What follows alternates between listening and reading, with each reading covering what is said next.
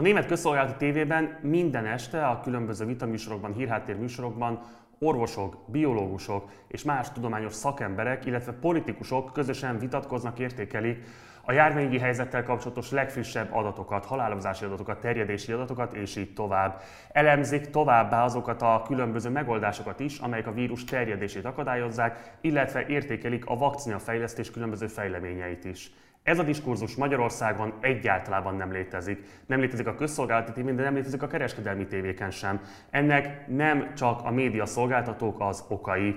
Mi magunk is próbálkoztunk többször is megkeresni a Magyar Tudományos Akadémia különböző osztályait, hogy delegáljanak megszólót, hogy lehessen hasonló vitát szervezni, hasonló informatív beszélgetést szervezni nézőink számára. Nem érkezett érdemi válasz. A magyar orvostársadalom túlzás nélkül elmondható, hogy retteg, nem mer interjút adni. Az a nagyon kis számú orvos orvos ember, aki eddig megszólalt a különböző műsoraimban, döntő többsége külföldön él, aki pedig Magyarországon él, az valamiért már lemondott arról, hogy egzisztenciálisan érvényesülhessen. Sokkal nagyobb arányban mondják vissza az interjú kérelmeinket, mint amilyen arányban elfogadják azokat. Egész egyszerűen nem csak az információkhoz nem lehet hozzáférni az operatív törzsön keresztül, hanem a szakmai véleményeket sem lehet megismerni, amelyek az orvos szakma képviselőinek a fejében esetlegesen megfogalmazódnak. Ezen a helyzeten akarunk valamelyest magunk eszközeivel javítani, és ezért ma kifejezetten egy orvos kerekasztalt szerveztünk, amelynek most be is mutatnám a tagjait. Itt van velünk dr. Mandl Péter, docens, a Bécsi Orvostudományi Egyetem docense. Szervusz Péter! Üdvözlöm a hallgatókat! Itt van velünk dr. Bíró Tibor, osztályvezető, a megyei rehabilitációs osztály vezetője Norvégiából. Mindenkit üdvözlök én is. És itt van velünk dr. Falus Ferenc is, akit jobban ismerhetnek talán nézőink. Ő a korábbi országos tiszti főorvos. Szervusz Feri! Szervusz, köszönöm szépen! Nagyon köszönöm mindhármatoknak, hogy itt vagytok. Azért is próbáltam ezt kibontani a felvezetőmben, hogy miért rendkívüli szerintem ez az adás most mert hogy valóban kritikus a helyzet médiafronton és a tájékoztatás frontján.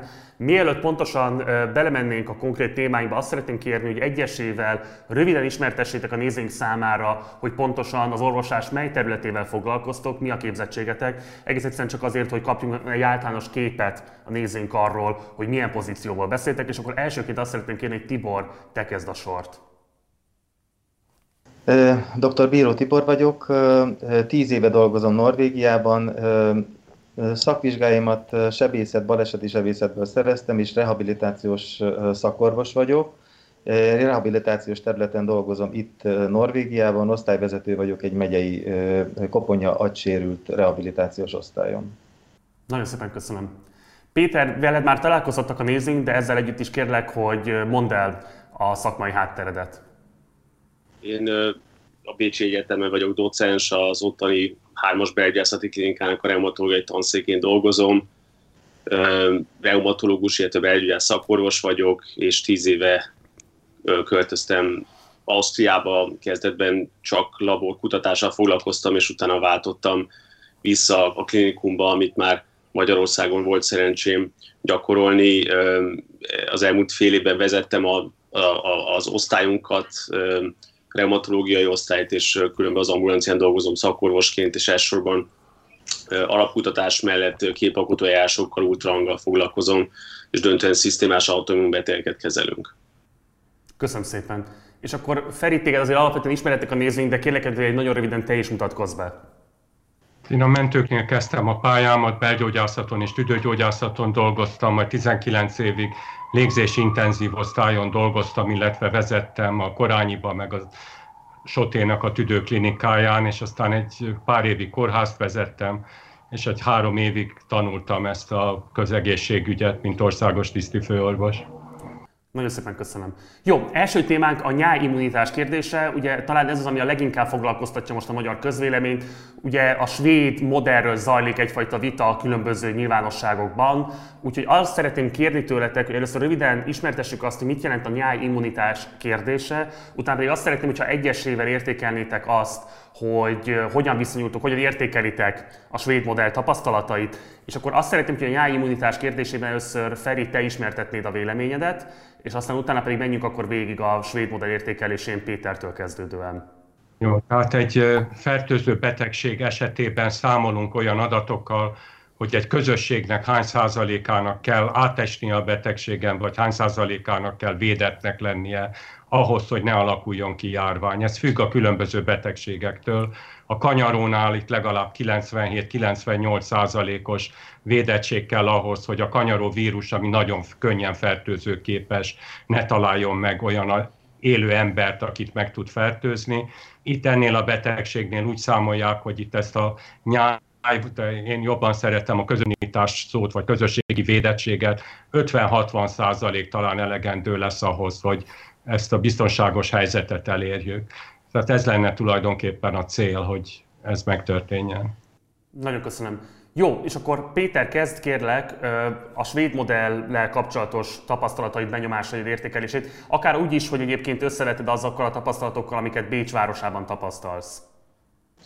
Yeah, mi is csak arra az adatokra támaszkodhatunk, amelyek nyilvánosan elérhetőek. Azt gondolom, hogy egyfelől talán egy kicsit megnyugtató, mint, amire az, mint, mint, mint, amitől az ember tartott a helyzet Svédországban, másfelől ugye nyilván sokan visszafolytva bizonyos félelemmel néztük, e, hogy mondjam, ezt a stratégiát, és az biztos, hogy nagyon érdekes lesz a következő hetekben látni, hogy Európában, ahogy ugye sok országban, így Ausztriában is úgymond enyhítenek a korlátozásokon, hogy ennek milyen hatása lesz. Egyőre nem látunk egy drasztikus emelkedést a, a napi fertőzettségben. Értem, köszönöm. Feri? Én a svéd modellel kapcsolatban azt látom gyakorlatilag, hogy a végén fog kiderülni, hogy a halálozások száma milyen.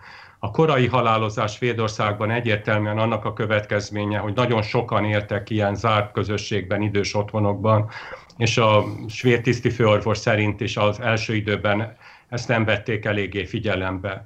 Magyarországon összesen 60 ezer ember él ilyen idős otthonokban, ami kevesebb, mint a 60 éven fölülieknek a 3% a Svédországban ez sokkal magasabb arány, tehát ezt a korai halálozást ez magyarázza. A másik, ami Svédországnak specialitása, a hihetetlenül nagy távolság. Tehát csak Stockholm és környéke az, ami mondjuk a magyarországi méretekkel való népsűrűséggel összehasonlítható.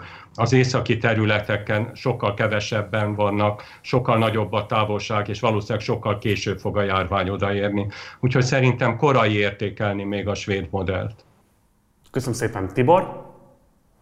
Hát a svéd kapcsolatban uh, tudni kell azt, hogy, hogy nyitva tartanak a, az iskolák, a, a, az éttermek, tehát gyakorlatilag egy nem állt meg az élet Svédországban, és a, a kormány kéri az embereket, főleg az idősebbeket, hogy tartózkodjanak otthon. Na most a koronavírusra fogékony populáció korelosztása elég kedvező a gazdasági aktivitás tekintve, elsősorban az inaktív vagy kevésbé aktív korcsoportokat érinti. Tehát az átlag életkor a, például a halálozásban az 80 évnél van. Ez azt jelenti, hogy, hogy főleg a nyugdíjasokat, a leszázalékoltakat és a táppénzen levőket. Tehát a svéd modell szerint ezeket az embereket kell elsősorban elkülöníteni és védeni. A többieknek a, a halálozási rátája annyira alacsony, hogy például a gyermekek halálozási aránya három ezerszer kisebb, mint egy 70 évesnek. És még a 40-es korosztályban is 40-szeres a, a, a különbség. Ez azt jelenti, hogy gyakorlatilag majdnem, hogy kizárólag az idősebbeket kell védeni, és azon fiatalabb betegek, akik, akik esetleg elhunytak, ezeknek a, a nagyon, nagy, nagyon nagy része valami súlyos betegségben szenvedett. Egyetlen egy százalék van az, amiben ahol, ahol nem találtak súlyos betegséget a legutós, legutóbbi adatok szerint az elhunytak között. Hogyan lehet azt értékelni, mert ugye a svéd modellnek a kritikusai arra mutatnak rá, hogy Svédországban viszont az elhunytaknak a száma jóval nagyobb, mint akár Norvégiában, akár Finnországban. Most konkrét adatokat mondok, amik a napi statisztikákból származnak. Svédországban 425, nem bocsánat, elnézést, lejjebb kell mennem, bocsánat. De addig akarsz valamit mondani, kérlek, Feri, akkor folytasd, és én addig előgyűjtöm ezt a statisztikát. Annyit, hogy Amerikában 5400 gyerekre számítanak, aki intenzív osztályra kerül. Tehát egy intenzív osztályra kerül gyerekre azt mondják, hogy 2001-2300 fertőzött gyerek jut. Tehát, hogy még így is számolni kell azért azzal, hogy a gyerekek között is lesz, aki lélegeztetőgépre kerül. És közben megvan, itt, itt van előttem a statisztika, tehát Svédországban 2941 halottal számolnak eddig hivatalosan, amit kifejezetten koronavírus összefüggésben halálozásnak számítanak. Norvégiában ez 216, ö, és Finnországban pedig 252. Ez mennyiben írja felül esetlegesen a svéd modellel kapcsolatos pozitív várakozásainkat vagy megítélésünket? Mit gondoltok erről? Ez, ehhez hadd tegyem hozzá azt, hogy, hogy a, a különböző statisztikák különböző adatokon ö, alapszanak. Tehát nem mindegy, hogy valaki ö, a koronavírus miatt hal meg, következtében hal meg, vagy koronavírussal a szervezetében hal meg. Tehát, hogyha egy combnyagtörött bekerül a kórházba, és ö, esetleg egy tüdőgyulladás alakul ki, vagy mélyvénás trombózis, vagy bármilyen olyan szövődmény, ami miatt ö, esetleg az, az életét ö, veszti, de közben a kórházi kezelés során megfertőződik a koronavírussal, az milyen kategóriába esik. És a különböző országok különböző statisztikai módszereket használnak ehhez, éppen ezért nagyon nehéz összehasonlítani. A másik dolog az, hogy egy nagyon fontos fogalom van még itt, a reprodukciós ráta. Az azt jelenti, hogy egy fertőzött hány továbbit tud megfertőzni. Ez Svédországban április 21-e óta egy alatt van. Az azt jelenti, hogy már csökken a, a, a fertőzötteknek az aránya. Április 25-én már 0,85 volt, ugyanekkor Norvégiában 0,7. Svédország el fogja érni május 11-e környékén a, a nyári immunitást, vagy a közösségi immunitást, ez azt jelenti, hogy, hogy a, a Stockholm környékiek 70%-a átesik a fertőzésen. Emellett látunk egy 2941-es 41 halálozást, és hogyha azt vesszük, hogy éppen a mai napon olvastam, hogy Norvégiában készült egy felmérés, az Oszló környékieknek kb. a 2%-a esett át a fertőzésen és emellett van 215 uh, halott. Most nagyon nehéz a statisztikát összehasonlítani, mert az egyik a svéd és Oszló környékét nézi, a másik pedig egy országos halálozást. De e, ebből is látszik, hogy ha, ha ezt uh, felszorozzuk a, a 2%-ot, uh, hogy 70% legyen, ez a, a halálozási ráta, ez sokkal magasabb lesz, mikorra elérik a, a természetes immunitást. Még egy gondolat az, hogy a, a nyári immunitást kétféle módon lehet elérni, vagy természetes úton, amikor a betegek átesnek a, a fertőzésen és immun, immunissá válnak, a másik pedig a vakcina, tehát az oltás útján. Viszont úgy tűnik talán, hogy a, a két immunitás nem teljesen egyenértékű. Tehát akik a, a, a betegségen átestek, azoknál talán erősebb az immunitás, mint egy olyan anyagnak a beadása során, ahol egy, egy bizonyos fajta antigént adnak be, nem pedig a vírus egészére fejlődött a, a, a szervezet immunitása. Köszönöm szépen. Feri? Azt is figyelembe kell venni, hogy egy évnek a halálozásában mennyi a plusz halálozás, és ez még azért nem történt meg. Tehát van sajnos egy olyan fogalom, hogy előrehozott halálozás, tehát hogy egy olyan súlyos beteg, aki esetleg meghalt volna mondjuk októberben vagy júliusban, az egy influenza járványba, vagy egy koronavírus fertőzésbe, vagy bármilyen egyéb más betegségben esetleg hamarabb hal meg. Tehát az, hogy az első negyedévi halálozás magas, azt nagyon sokszor látjuk, hogy utána egy második negyedévi halálozás alacsonyabb, tehát az éves halálozási mutató az nem lesz olyan kiugró, mint, mint esetleg egy másik évben. Tehát azért ezt mindig nézni kell. Magyarországon ugye ebbe az évben nagyon gyenge volt az influenza járvány, 2017-ben nagyobb volt, tehát hogyha összehasonlítjuk így az első negyedévi halálozásokat, akkor lehet látni bizonyos tendenciákat. Tehát igazából nem tudjuk értékelni ezeket a halálozási mutatókat csak körülbelül másfél év múlva. Köszönöm szépen. Péter? Igen, hát én abszolút csak csatlakozni tudok Feri szavaihoz. A, ugye évente influenzában 250 és 500 ezer közötti ember hal meg évente, ugye ez egy hatalmas szám, és csak a különbség a 250 és 500 ezer között annyi, amennyi halott jelenleg koronavírus kapcsán elhúnyt.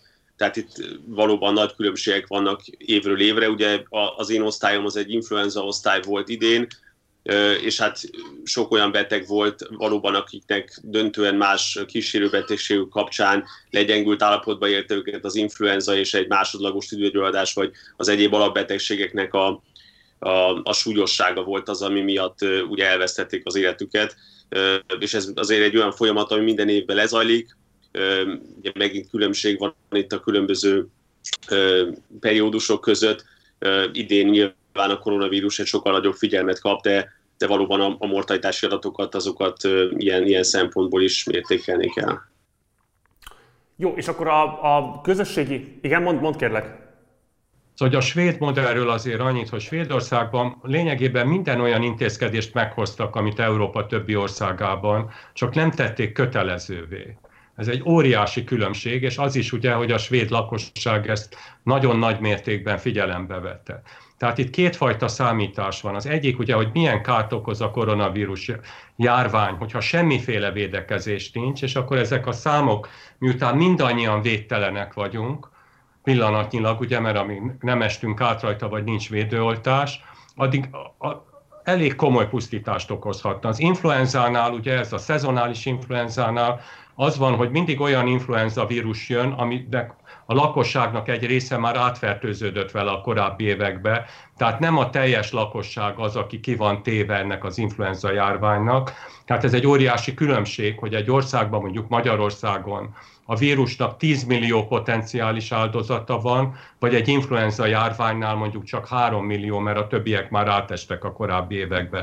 Egy influenza világjárványnál vagy ne adj Isten, hogyha egy madárinfluenza járvány jön, ugye attól az a nagy félelem, hogy hogy egyikünk sem védett, és sokkal súlyosabb szövődményekre és magasabb halálozási rátára számítunk a madárinfluenzánál, mint például ennél a koronavírus fertőzésnél.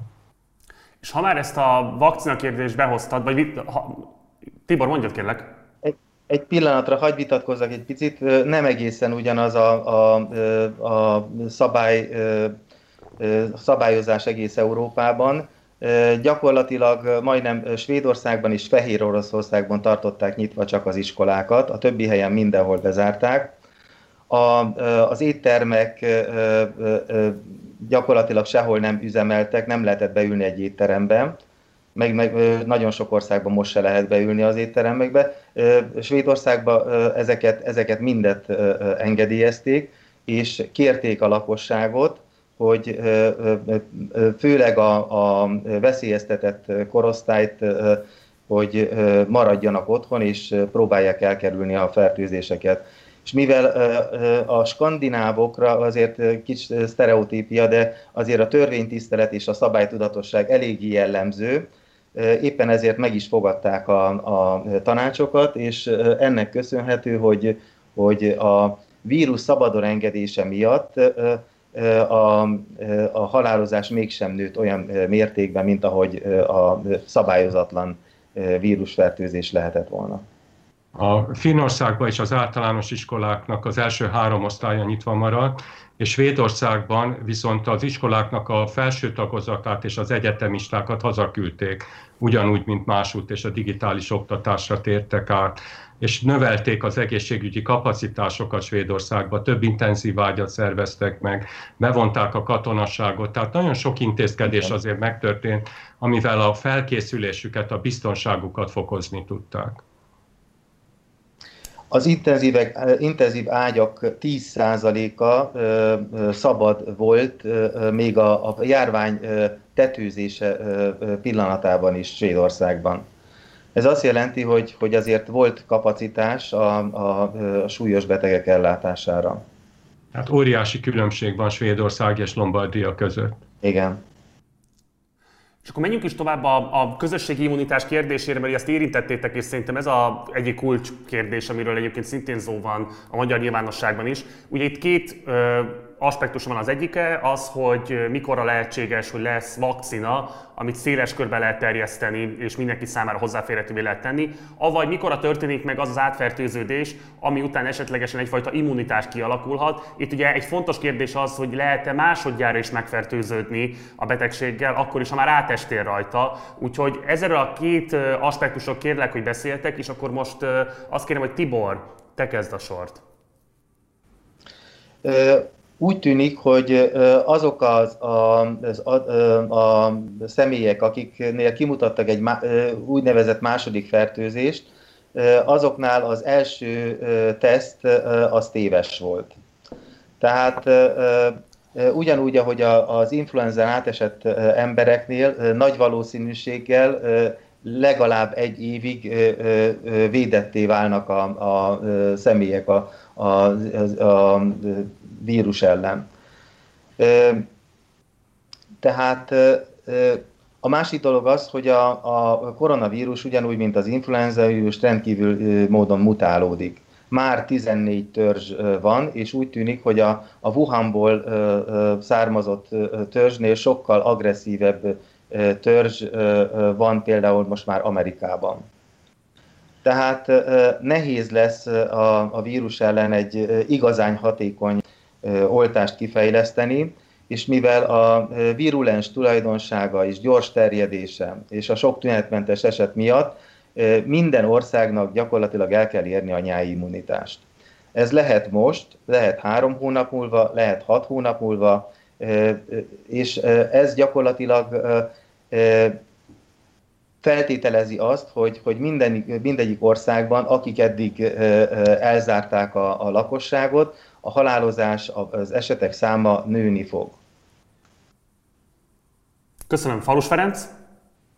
Tehát az nagyon lényeges, hogy ez az egész világot érinti. Tehát amíg a világon marad fertőző ember, az az mellett a közlekedési lehetőségek mellett, amik mondjuk még januárban voltak a világban, pillanatok alatt vissza fog jönni. Tehát ahogy Kínában is látjuk, hogy visszajött a fertőzés, tehát az elzárkózással tulajdonképpen csak azt lehet elérni, hogy nagyon-nagyon hosszú ideig fog tartani ez a járvány, évekig. Tehát lehet lazítani, aztán lehet újra szigorítani, de nagyon sokáig fog tartani. Oltóanyagot legalább százféle helyen, vagy 100-107 helyen vizsgálnak a világba.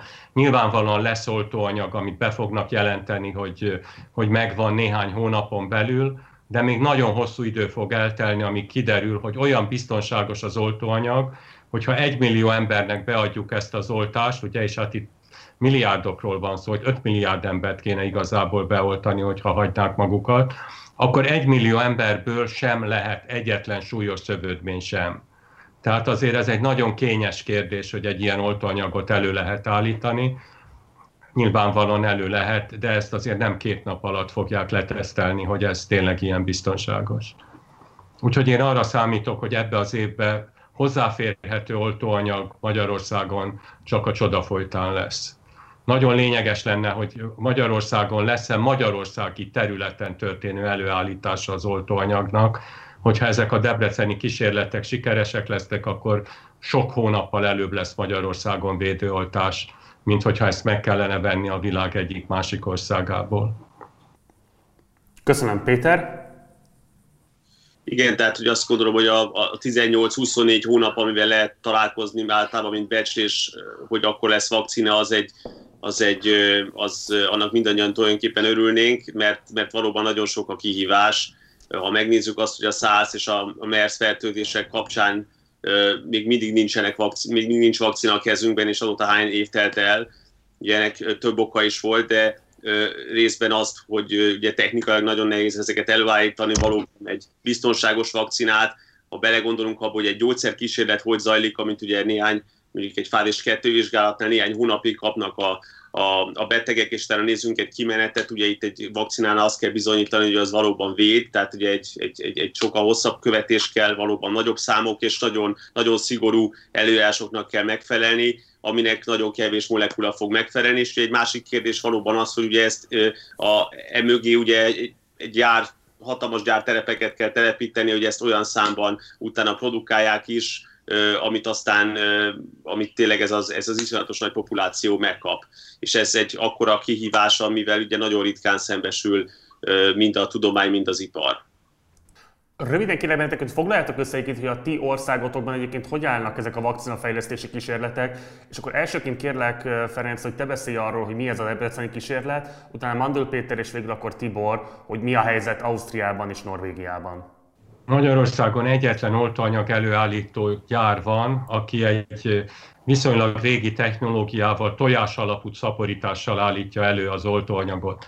Hogyha kiderülne véletlenül, vagy szerencsénk lenne, hogy a koronavírus lehet a tojáson szaporítani, és így lehet előállítani oltóanyagot, akkor akár négy hónap alatt is elő tudnának állítani oltóanyagot Magyarországon, ugyanazzal a technológiával, amivel tíz évvel ezelőtt ezt előállították.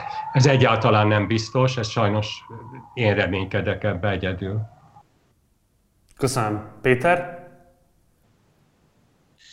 Igen, hát Ausztriában is ö, több cég foglalkozik ezzel, részben csak Ausztriában, részben közösen Németországgal, illetve Svájccal a, a mi egyetemünkön is van egyébként egy, egy, egy több kollega által egy spin-off vállalat, akik amúgy is foglalkoztak már koronavírus elleni vakcinával, de, de erről még valóban túl korai bármi biztosat állítani arról, hogy ez hány hónap múlva lesz esetleg olyan állapotban valóban, hogy akár humán tesztre is lehessen kezdeni vele.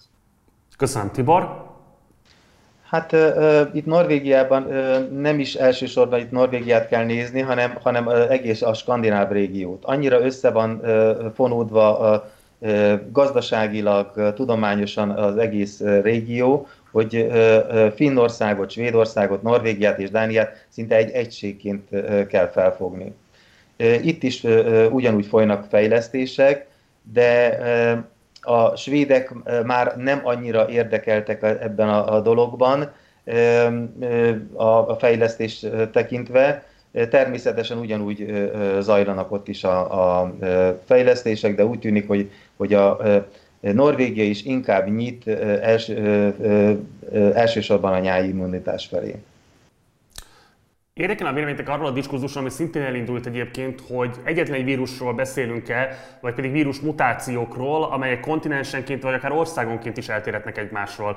Mennyire ástátok bele magatokat ebbe a szakirodalomba, illetve mi a személyes véleményetek erről, akár a korábbi vírusok tapasztalatai, vírus járványok tapasztalatai okán? Ki akarja esetleg kezdeni?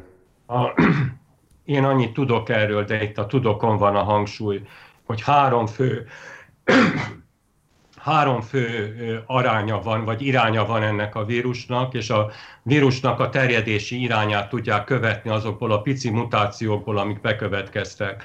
Arra vonatkozóan, tehát ez egy ABC variáció, amiből ez a Wuhani lenne az A, más került Amerikának a keleti és más a nyugati partjára, és a keleti partra valószínűleg a Európából került át a vírus, talán a, a, a nyugati part lévő, az pedig talán közvetlenül Kínából. Tehát ilyen útvonalakat tudnak ezekkel a mutációkkal követni, hogy a terjedés iránya honnan történik. Magyarország idős otthonban is ki tudták mutatni, hogy a fertőző vírus az valószínűleg valamelyik baltikumi országból érkezett. De hogy olyan lényeges különbség lenne ezek között, én ezt nem hallottam. Tehát, hogy klinikailag lenne ilyen különbség. De hogy mi az oka annak, hogy bizonyos helyeken szuperterjesztők nagyon nagy mennyiségű beteget fertőznek meg nagyon súlyos állapotban, más országokban sokkal kevesebb megbetegedés, vagy sokkal kevesebb szövődmény van. Erről nagyon keveset tudunk, folynak ilyen kutatások, de az eredményei gondolom még nagyon soká lesznek elérhetőek. Köszönöm szépen, Péter! Én nem tudok ehhez igazából többet hozzátenni, valóban szerintem még túl korai ezt megítélni, nyilván egy, egy-két év távlatából sokkal többet fogunk tudni arról is, hogy a majd adott esetben visszatérő vírus az, az egy mutálódott törzs lesz, illetve hogy a mostani mutációk között van-e különbség, lehet-e valamit mondani a, a prediktív szerepéről, hogy, hogy egy betegben vagy milyen, milyen, milyen fertőzést fog kialakítani. Mennyire ez hajlamos arra, hogy inviharja legyen például. Köszönöm szépen. Tibor? A koronavírus már korábban is itt volt köztünk, nem ez a, ez a fajta vírus, de a koronavírus azért minden évben okozott különböző fertőzéseket.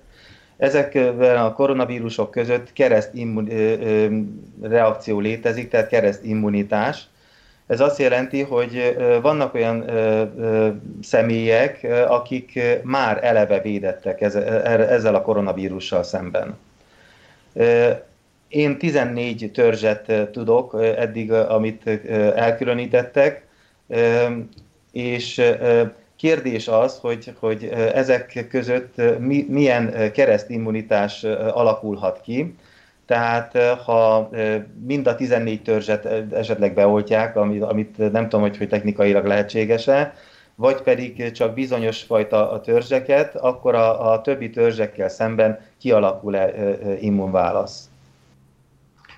A gyerekeknek az immunitása valószínűleg ezzel függ össze. Tehát, hogy volt négy fajta olyan koronavírus, ami már évtizedek óta itt keringett köröttünk, és amikor a gyerekeknek így a taknya nyála összefolyik, a óvodába, meg az iskolába, meg bölcsődébe, annak nagyon sokszor koronavírusnak nem ez a változata van, és valószínűleg ez még ez sincs bizonyítva, az, hogy a gyerekek között kevesebb a megbetegedés, az talán pont ez bizonyítja, hogy van valami keresztimmunitás. Még egy érdekes adatot olvastam ugyanerről az amerikairól, hogy a két év alattiaknak a magasabb százaléka van, akik fertőződnek, és a legalak, és a 11 év fölöttieknek megint magasabb. Tehát körülbelül, ha 100 százalékot veszünk a gyerekeknél, akik itt fertőzöttek, akkor ezek között a 2 és 11 év közöttiek csak 25 százalékot képviselnek. Tehát, hogy pont az a réteg, aki már elégszer fertőződött meg a különböző másik koronavírusokkal, ez ad egyfajta reményt. A másik kérdés, amit felvetettél, ami szerintem nagyon izgalmas, hogy fogalmunk sincs róla, hogy ez a vírus mikor keletkezett. Ugye most már tudjuk, hogy már decemberben Párizsban kimutatták ezt a vírust, tehát sokkal hamarabb odaért, mint ahogy Wuhanba ezt bejelentették az egészségügyi világszervezetnek. Tehát nagyon kérdéses az, hogy ez a vírus ténylegesen mióta van körülöttünk. Összefoglalóan akkor csak azt szeretném, hogyha ebben mondanánk egy át vagy B-t, hogy akkor, ha jól értem, ti azzal számoltok, hogy itt egy húz meg erez meg fog akár a következő egy évben is végighúzódni az életünkön, legalábbis Európán belül. Nem nagyon lehet számítani arra, hogy lesz belátható időn belül vakcina. Itt a korlátozások feloldásával, illetve visszaállításával fognak kísérletezni a különböző kormányok. Nagyjából így foglalható össze a védekezéssel kapcsolatos álláspontotok? Van, akinek ellenkezik esetleg a véleménye ettől? Nem, azt, azt gondolom, hogy, hogy ez nagyjából nagyjából helyes így, ahogy ezt megfogalmaztad. Az elmúlt napokban jött egyébként ki pont egy minnesota tanulmány, ami nagyon érdekes görbéket és szenáriókat rajzolt fel, azzal kapcsolatban, hogy a, a, a, az esetlegesen össze-visszatérő vírusfertőzés súlyossága milyen lesz, és különböző lehetséges lefolyási görbéket, az szerint, hogy, hogy kisebb hullámok lesznek-e, illetve vagy szezonálissá válik, és hogy ez, ez ennek is nyilván döntő hatása lesz arra, hogy akár a vakcina, akár a nyári immunitás kapcsán, vagy közösségi immunitás kapcsán mikor jön létre az az állapot, hogy ez a vírusfertőzés valamilyen szinten kézbe kerül. Tibor vagy Ferenc, esetleg akartok ezt hozzátenni? Én csak szeretném ezt a minnesota tanulmányt megtalálni, engem ez nagyon izgat, én ezt nem láttam sajnos. Akkor majd összekötünk a Péterrel a műsor után. Ez nem szerepelt az eredeti témánk között, és valószínűleg a Tibornak és a Péternek kevesebb haza információja van, de téged szeretnének mindenképpen megkérdezni Ferenc erről, hogy ugye most Magyarországon zajlik egy kiterjedt reprezentatív kutatás a KSH és a Semmelweis Egyetem együttműködésével. Ugye ez azt próbálja feltárni, hogy mekkora lett az átfertőződöttség az országban, és elviekben ez egy reprezentatív minta lesz majd, amit ők végül megkapnak. Tehát ez alapján tényleg lehet becsülni jó közelítéssel azt, hogy hol tart Magyarország az átfertőződöttségben. Röviden megtennéd, hogy összefoglalod, hogy hogy néz ki ez a kutatás, és nagyjából mikor várható ennek az eredménye? Hát, hagy kezdjem úgy, hogy ez ugye Ausztriában csináltak ilyen kutatást, egy 1200 fős mintát csináltak, ahol 0,33 százalékos volt az átfertőződöttség, ami azért érdekes, mert viszonylag alacsony ahhoz képest, hogy hány fertőzöttet találtak az országban. Igazából az egyik leglényegesebb kérdés az, hogy a tünetmentes fertőzötteknek az aránya mekkora. Ha erről tudnátok valamit mondani, az nagyon érdekes lenne. Ugye az első kínai adatok 1%-ról beszéltek, most már vannak olyan adatok, ahol 50%-os például Izlandon a tünetmentes átfertőzöttöknek az aránya. És hát tulajdonképpen a, ezeknek a vizsgálatoknak a célja az, hogy a tünetmentes fertőző forrásokat megtaláljuk és elkülönítsük. Mert ha ez megtörténik, akkor nincs az adott közösségben addig megbetegedés, ami kívülről valaki be nem hurcolja. Ezt a magyarországi vizsgálatot úgy kell elképzelni, mint hogyha egy, egy közvélemény, fel, közvélemény kutatást végeznénk, tehát úgy jelölik ki azokat, akiket ebben meghívnak, akik a társadalomnak, a lakosság minden rétegét képviselik minden területről, tehát körülbelül minden személy, akit meghívtak, az kb. 600 személyt képvisel. És ezeket nem a tüneteik alapján vizsgálják meg, hanem függetlenül attól, hogy ő betegnek érzi magát, vagy beteg volt, vagy semmi tünete nincsen, mindenkit megvizsgálnak, és akkor ebből ki fog derülni, ugye, hogy itt PCR-ral és immunglobulinnal is vizsgálják őket remélhetőleg, és ki fog derülni, hogy most pillanatnyilag fertőzöttek-e, esetleg, esetleg tünetmentes fertőzöttek-e, vagy már átestek a betegségen, és van valamilyen védettségük. Na most ennek az első vizsgálatnak valószínűleg május végére várható az eredménye, és én nagyon remélem, hogy ezt havonta megismétlik, és akkor abból lesz adatunk arra vonatkozóan, hogy a védettsége valakinek, aki átesett a betegségen, az mennyi ideig tart, vagy legalábbis átlagosan mennyi ideig tart, mert hát nyilvánvalóan nagy egyéni különbségek lesznek ebben. Nem akarok beleszorítani a sarokba, Feri, de hogy van egyébként jelentősége ennek a kutatásnak, már a tekintetben nyilván egy ilyen kell, hogy megalapozzon egy döntést, amit aztán a politika meghoz arra vonatkozóan, hogy feloldja, vagy éppen továbbra is fenntartja a különböző kiárási korlátozásokat. Itt azonban látszik, hogy a kettő között nagyjából semmi összefüggés nincs. Be jelentve politikai döntés alapján május 3-án tetőzött a vírus, május 4-től érettségik vannak, és a vidéki korlátozásokat nagyrészt eltörölték, miközben még zajlik ez a kutatás, tehát fogalmuk sincs arról, hogy valójában még csak közelítőlegesen sem, hogy mekkora lehet az országban az átfertőződöttség. Tehát ilyen értelemben mi a haszna ennek a kutatásnak, hogyha láthatóan a politika nem ez alapján alakítja ki a döntéseit? Most ebben nem menjünk bele, de úgy tűnik, hogy legalább három érdekcsoport van jelenleg az egészségügyben, a, jelenlegi kormányzaton belül is, és ezeknek eltérő véleményük van, és utána valaki nagyjából hasraüt, és utána úgy hoz döntést. De ez a vizsgálat minden esetre, hogy ezt elkezdik, ez a legpozitívabb dolog, ami a járvány kezelésében Magyarországon történt, mert ennek alapján tényleg lehet majd valamilyen döntést hozni. Tehát egyáltalán nem biztos, hogy Sopronra és Nyíregyházára ugyanazokat a megszorító intézkedéseket kell alkalmazni ugyanabban a pillanatban. Lényeges különbségek lehetnek. Hollandiában és tulajdonképpen Pécset is megcsinálták azt, hogy a szennyvízgyűjtőkből ki tudják a vírust mutatni, ami egy egy tudományos bravúr tulajdonképpen. Tehát, hogyha ez a vizsgálatot lehetne Magyarországon is széles körülvel csinálni, akkor lehetne tudni, hogy egy településnek a környékén van-e fertőzött beteg, vagy nem, annélkül, hogy széles körű tesztelést kellene csinálni. És akkor onnan lehetne keresni tulajdonképpen azt, hogy, hogy kik a fertőző források azon a területen, de akkor az egy lokális, körülhatároltabb területet lehetne vizsgálni és keresni. Köszönöm szépen. Péter, Tibor, akartok ehhez hozzászólni, menjünk a következő témánkra? Nekem van adatom, egy New Yorki epidemiológus professzor, Witkowski professzor szerint.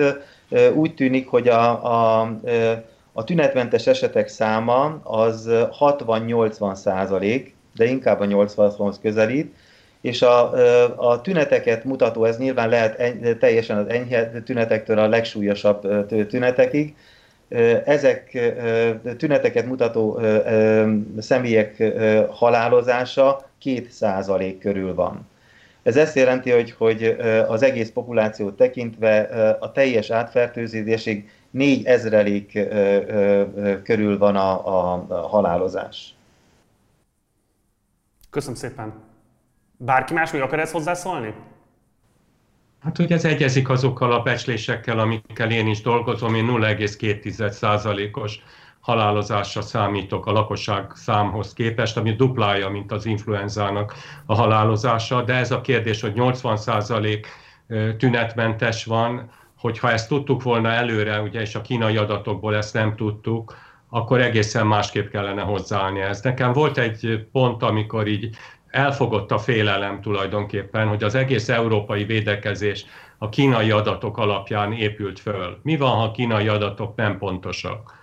És annak alapján állítjuk be a védekezést, és úgy tűnik, hogy azért ez nagyon sok ponton kiderül, hogy, hogy egészen másképp néz ki a tünet együttes, sokkal több mindent tudunk. Az elején azt hittük, hogy ezt az influenzától klinikailag nem lehet elkülöníteni, most már látjuk, hogy el lehet különíteni és hát a tünetmentes hordozóknak az aránya az egy abszolút kulcskérdés ebben a kérdéskörben. És akkor térjünk rá az utolsó... Ja, mondjad. Hogy a BMG-be, tehát British Medical Journal-be megjelent cikk szerint a kínai adatokban a pozitív személyek száma 78%-a tünetmentes. Ezt is, küld, ezt is küld át nekem, jó? Mert hogy amiket én olvastam meg a WHO jelentése, ami volt ott még egy százalék volt tünetmentes. Ott az volt, hogy 80 százalék körülbelül, akiknek nagyon enyhe tünetekkel zajlott a betegség, körülbelül egy 20 százalék volt, akik valamilyen orvosi segítségre szorultak. Ennek a 20 százaléknak körülbelül az egy ötöde volt, aki intenzív osztályra került, és azoknak körülbelül a fele halt meg. De hát ez 72 ezer esetnek a feldolgozása volt, amit a, a kínai CDC csinált, és erről van egy tanulmány. Átküldöm. Jó, akkor menjünk rá az utolsó témánkra, mert ez is egy nagyon fontos kérdés, és egyre többeket foglalkoztat sajnos, vagy hát teljes értető módon Magyarországon is. Ugye a Conteo irodalom azonnal rászállt a koronavírus járványra is, lehetett olvasni számtalan cikket az 5G és a koronavírus összefüggéseiről. Most legújabban már azt is lehet olvasni, hogy a Bill Gates által szponzorált vakcinafejlesztéssel akarnak különböző csippeket bejutatni az emberek szervezetébe, illetve hát nagyon erős volt az is, amikor megpróbálták a koronavírust mint mesterségesen létrehozott laboratóriumban szándékosan kifejlesztett vírust bemutatni. És ez nagyon sokáig ugye egy komolyan vetetlen összeesküvés elméletnek tűnt, azonban április végén megjelentek cikkek arról, hogy az Anthony Fauci által vezetett intézet Amerikában valóban kötött egyébként szerződést Wuhani laborokkal, annak érdekében, hogy különböző koronavírus teszteket, amelyeket kifejezetten denevéreken végeznek el, ne Amerikában kelljen elvégezni, hanem ott, ebben a Wuhani laborban. Ez egy hosszú és szövevényes történet, alapvetően az a lényege, hogy különböző balesetek okán, amik korábban érték az amerikai tesztlaborokat. Veszélyesnek ítélték meg, és nem tudták financiálisan megoldani azt, hogy ezt Amerikában folytassák le. Éppen ezért kihelyezték ezt a kockázatot a Wuhani laborba. Nincsen egyelőre konkrét összefüggés a között, hogy valóban a laborból esett volna ki, vagy került volna ki a vírus, és okozott volna tömeges megfertőződést. Ráadásul a WHO továbbra is kitart amellett, hogy ez nem egy ember által készített vírus, hanem valóban állati eredetű. Mit gondoltok erről az új, hát mondjuk azt, hogy botrányról, nyilvánvalóan nagyon fontos kérdésről. Összességében mit gondoltak arról, hogy megalapozottan lehet egy gyanítani egyáltalán azt, hogy egy mesterséges vírussal állunk szemben, és hogyan értékeljetek azt a gyakorlatot, amit az Anthony Fauci által vezetett intézet és a Wuhani labor között kirajzolódni látszik most az elmúlt hetek tudósításai alapján. Ki szeretné kezdeni? Hát én azt gondolom, hogy, hogy itt is, mint olyan sok a koronavírust illető kérdésben a higgadság nagyon fontos lenne. Ugye mi azt gondolom, hogy bárki, aki tudományal foglalkozik, és mi klinikusok is, ugye ezt gyakran hangoztatjuk a betegeknek, akik nagyon sokszor különböző információkkal jönnek hozzánk, amiket az internetről szereztek, vagy a szomszédtól, vagy bármilyen újságból olvastak azt gondolom, hogy nagyon keveset tudunk ezekről a kérdésekről most, és nagyon nehéz például véleményt mondani arról, hogy milyen kutatási együttműködés volt az elmúlt években mondjuk az NIH és különböző kínai kollaborációk meg laborok között, és erről, erről én általános megállapításokat megfogalmazni, az nem, nem igazán felelősségteljes. Ez igaz sok más egyéb terápiával kapcsolatos kérdésre is. Ugye most egy hihetetlen nyomás van tulajdonképpen az egész társadalmon a, a, vírus kapcs, a vírus miatt, de ugye a kutatókon és a klinikusokon is tényleg nem lehet követni napi szinten az új molekulákat, amelyeket úgy kázi hírbe hoznak, mint esetleges megváltó szert, és ezek között valóban nagyon sok munka is van, tehát ez nem csak mind úgymond Conteo, hanem tényleg nagyon sok cég és kutató dolgozik ezeken de az óvatosság nagyon fontos, amikor, amikor ezeket az adatokat elemezzük. Ugye ez egy azért, azért is különleges állapot, mert legtöbbször egy ilyen, egy ilyen gyógyszerkísérlet, akár állatkísérlet, akár humán kísérletek, ugye sokáig tartanak, megalapozottak, utána egy, a publikáció is maga sokáig tart, és utána ezek egy idő után, egy bizonyos számú adat után kerülnek ezek aztán egy ajánlásra különböző szervezetek által, és most az egész folyamat felgyorsult, és nagyon résen kell lenni, hogy valóban minden adat, amit az ember megkap, azt, az, az, az igazán valid adat. A, a vizsgálatoknál is sok vizsgálatról, amelyek, amelyek az elmúlt hetekben publikásra kerültek, felmerültek kétségek, és ez mind-mind arra int minket, azt gondolom, akik ezeket az adatokat értelmezzük, óvatosságra int alapvetően. Köszönöm. Most ugorjuk át a Ferencet, és nézzük meg a Tibor véleményt, és aztán kérlek majd te Folytasd, Ferenc. Igen, az adatok alapján úgy tűnik, hogy ezt a kutatást, ezt valójában a, a 2003-ban a világon elterjedt koronavírus, a SARS vírusnak a, a, a kutatására hozták létre és ítélték oda. Na most a, a koronavírus, a jelenlegi koronavírus az SARS-CoV-19 néven fut, tehát valószínűleg köze van ehhez a, a SARS vírushoz. Az, hogy most ez politikai értelemben mit jelent, ezt, ezt én nem tudom megítélni. Tehát itt olyan dolgok lehetnek a háttérben, amiről nekünk nincsen információnk. Köszönöm, Ferenc. Szóval én azt szeretném először leszögezni, hogy én teljesen kizártnak tartom azt, hogy ez szándékosan hozta volna valaki létre ezt a vírust.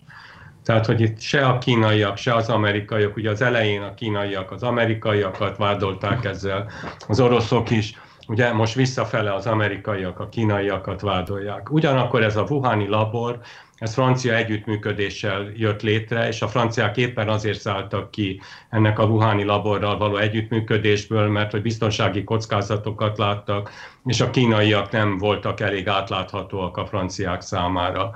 Ugye ezt követte ez a hír, hogy a amerikaiak oda vizsgálatokat helyeztek ki. Ez kétségtelenül, hát hogy mondjam, fölvethet gyanúkat, hogy ők ezért dühösek, hogy ott mi történt, vagy mi nem történt. De itt van a kezembe az amerikai hírszerző ügynökségnek a, a nyilatkozata, amivel gyakorlatilag az elnöküknek és a külügyminiszterüknek mondanak ellen, amiben azt állítják, hogy teljesen biztosak abban, hogy ez nem a laboratóriumból került ki, és hogy ez nem ember által létrehozott vírusmutáció. Tehát itt különböző vélemények vannak, minket minden esetre az érdekel, vagy nekem a legszórakoztatóbb az volt, hogy hát ez az 5G technológia hozta létre ezt a vírus. Kétségtelen van egy együttműk, vagy egybeesés a dologban, mert Wuhan a világon az egyik első város a világon, ahol az 5G technológiát kereskedelmi célra alkalmazták, de hogy ezen kívül semmilyen összefüggés nincs e között, az egészen biztos. Tehát én szeretném még egyszer elmondani, teljesen mindegy, hogy ez a vírus hogy jött létre, hogy ez most tényleg a denevérnek és a Topzoska útján jött létre, vagy esetleg kiderül, hogy valami más, de nem ember által szándékosan, rossz indulatból hozták létre ezt a vírust, ezt én teljesen kizártnak tartom. Ugye ez azért nagyon fontos kérdés, mert nyilvánvalóan darabig egy ilyen Conteo az megmarad a Conteo szférán belül, Ugyanakkor, amikor azt lehet már látni, hogy Mike Pompeo vagy Donald Trump beáll egy ilyen elméletnek a megvédésébe, akkor azért az joggal tőkésítheti föl, vagy bátorítatja föl pontosabban azokat a véleményvezéreket, akik ugyebár abból élnek, hogy ezeket a olcsó, ócska megvezető ideológiákat terjesztik, és ezen keresztül egyébként meg meggazdagszanak. Tehát az a kérdés, hogy mik azok az autoritások szerintetek egy ilyen helyzetben, amelyekre lehet megalapozottan hagyatkozni az átlag állampolgárnak, akinek nincsen semmilyen egészségügyi végzettsége, híreket olvas, és egyre inkább csak azt látja, hogy a WHO kapcsán is felmerül a kínai államnak a ráhatása, a többi olyan egészségügyi világszervezet vagy egészségügyi alszervezet kapcsán is fölmerülnek esetlegesen elfogultsági tényezők, azt lehet látni, hogy a nemzeti kormányok is egymásnak ellentmondó nyilatkozatokat tesznek, az Európai Unió teljesen cselekvésképtelennek tűnik, és közben még az Amerikai Egyesült Államok elnöke, illetve annak ele, alelnöke is beleáll az ilyesfajta véleményeknek a terjesztésébe. Tehát mit tanácsolnátok azoknak a nézőinknek, akik jó szándékkal próbálnak tájékozódni, nem zárják ki azt, hogy esetleg lehetnek ilyen emberi tényezők is a vírus létrejöttében, mire hagyatkozhatnak, honnan szerezzék be az információikat?